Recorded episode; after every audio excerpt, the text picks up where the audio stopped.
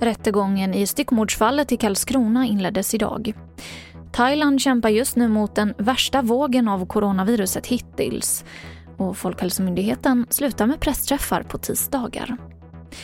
TV4-nyheterna börjar med att idag inleddes rättegången i det uppmärksammade styckmordsfallet i Karlskrona. Två män i 20-årsåldern står åtalade för att ha mördat och styckat 57-åriga Mikael Pettersson som de hyrt en lägenhet av. Idag framkom att åtta nya vittnen ska höras mot slutet av förhandlingen och en av de misstänkta har redan erkänt att han slagit ihjäl offret och den andra att han styckat kroppen. Vi hör Anna Johansson som är kammaråklagare.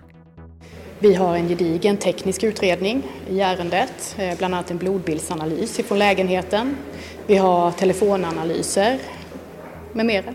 Jag menar att man har planerat det här väl och under lång tid. Man eh, började planera redan i början av juli 2020. Thailand kämpar just nu mot den värsta vågen av coronaviruset hittills.